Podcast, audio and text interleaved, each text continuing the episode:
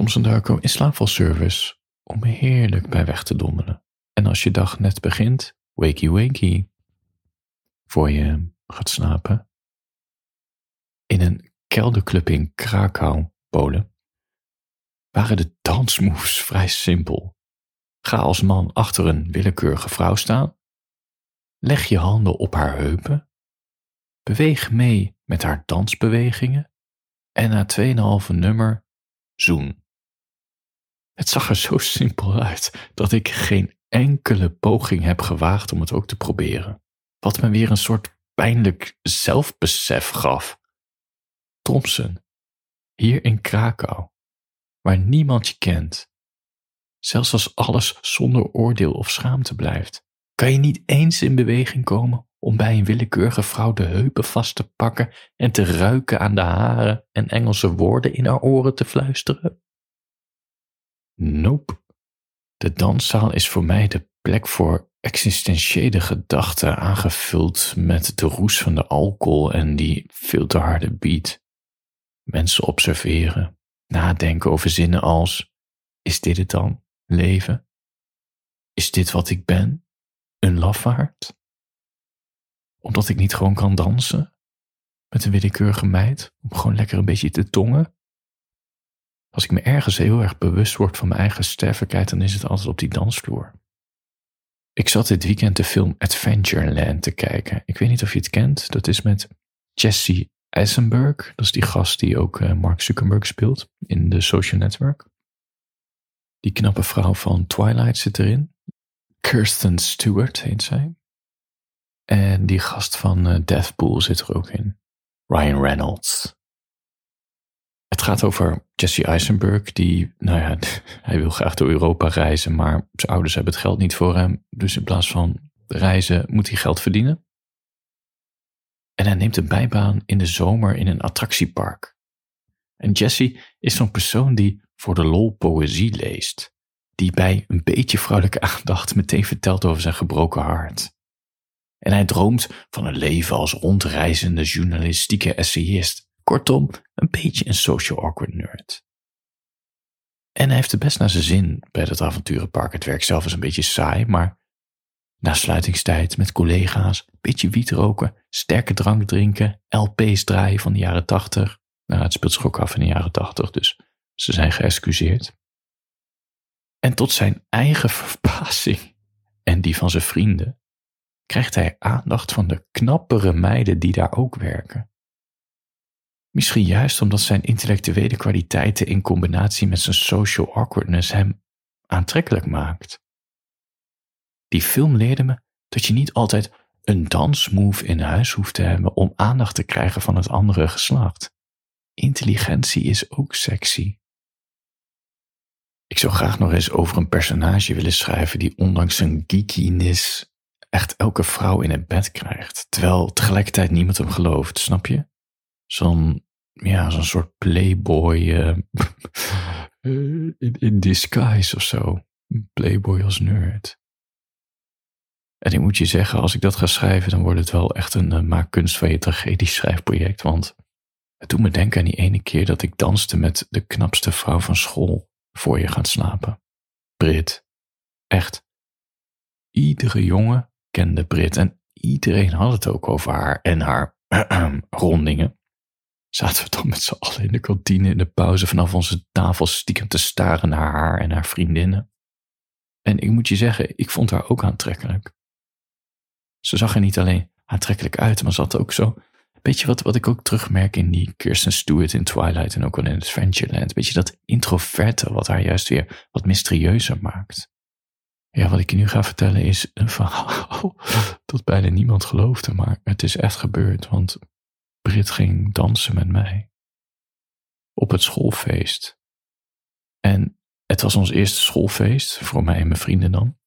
Nou ja, en dansen was een beetje awkward, dus, dus we liepen maar rondjes en een beetje kletsen met mensen en, en zeggen, ja hier, leuk hè, ja leuk. Er was natuurlijk helemaal geen alcohol en we waren nog te jong om in te drinken. En ik slenterde achter mijn vrienden aan zo over die dansvloer en ik, en ik volgde hem. En ik raakte ze een beetje kwijt door, door al die mensen die wel aan het dansen waren. En ik zag Brit. En naast Brit een vriend waar ze al vaker mee liep. En die vriend was aan het schuifelen met een ander meisje. Maar Brit stond alleen. En die gast tikte mij op de schouder aan en wijst naar haar, naar Brit. Die gast die vraagt dus aan mij of ik met haar wil dansen. En ik zeg, ja, tuurlijk. En vervolgens zit ik te schuifelen met Brit. Brit, de knapste vrouw van die hele school, die danste met mij. En ik kon zo, nou ja, ik durfde niks te zeggen en ik durfde niet eens aan haar haren te, ruiken, maar mijn hand zo braaf net boven de heupjes, zo heen en weer wiegend. Maar we dansten, ik en Brit. Het was echt van, wow, wat gebeurt hier? Wow, wow, wow, wow. Ik met de knapste meid van de school. Nou ja, toen het nummer was afgelopen, zei ik doei. Dan zocht ik mijn vrienden op. Nou, drie keer aan wat er toen gebeurde. Niemand geloofde me. Echt niemand. Ze geloofden me niet. Ze zeiden echt van ja, dat zal wel. het was echt het mooiste wat me dat jaar was overkomen. En niemand geloofde me. Want als niemand het heeft gezien, heeft het dan wel plaatsgevonden? Blijkbaar niet. Dat gevoel, existentiële eenzaamheid op de dansvloer. En ik had het niet alleen na Brit, maar ook jaren later in die club in Krakau. Misschien was het wel dat de blik van oppervlakkigheid dat je maar gewoon achter iemand moest bewegen. En je zou kunnen zeggen, joh, maak je druk om, je kan toch een beetje lol hebben, een beetje tongen, maar ik kon het niet. Iets hield me tegen. Ik, ik voelde me er niet fijn bij.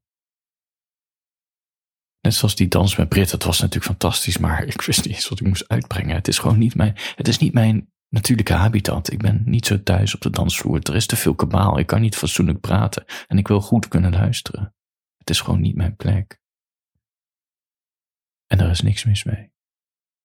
Voor je gaat slapen wil ik nog even een klein verhaaltje voorlezen. Het heet Ik vrees dat ik gewoon verliefd op je ben geworden. Ik denk niet dat ik je mag.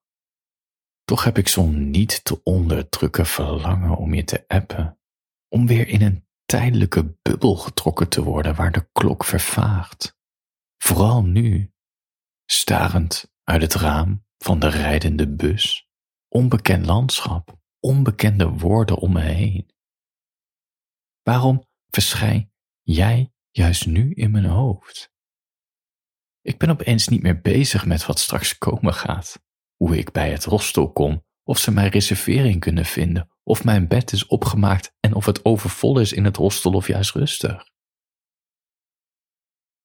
Nee, ik denk aan jou.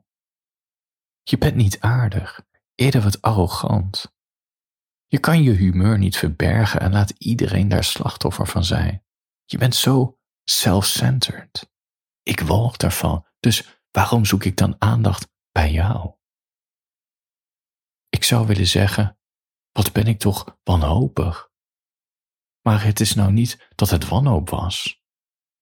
Dit was eerder de onschuldige flirt van jou waar ik te serieus op inging, waardoor jij ook maar dacht: oh shit, dan moet ik er ook maar mee doorgaan. Dus nu zit je in mijn hoofd, in de bus, op weg naar een plek die bijna niemand kent. Een plek die waarschijnlijk binnen drie dagen al als mijn nieuwe thuis gaat aanvoelen, want zo werkt dat. Ik ben niet het type heimwee. Hopelijk verdwijn jij dan mee.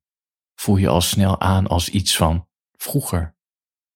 Je bent het vergeten waard, ondanks dat mijn hoofd maar aan je blijft denken. Al die woorden die je zei, al je aanrakingen op zondagmorgen over mijn hele lijf. Alsof je me na duizend jaar had opgegraven en me voorzichtig met bewondering onderzocht. Dan moet ik je wel nageven. Als je me aandacht gaf, dan was het de, was het de volledige aandacht. O God, ik vrees dat ik gewoon verliefd op je ben geworden. Mijn hart voelt het en voedt mijn gedachten met je naam, terwijl mijn rationele kant dat nooit gaat goedkeuren, alsof ze in strijd zijn, hart en hoofd. Maar ik weet de uitkomst nu al. Het hoofd gaat winnen. Dit keer wel. Voor je gaat slapen, handjes boven de dekens, slaap lekker.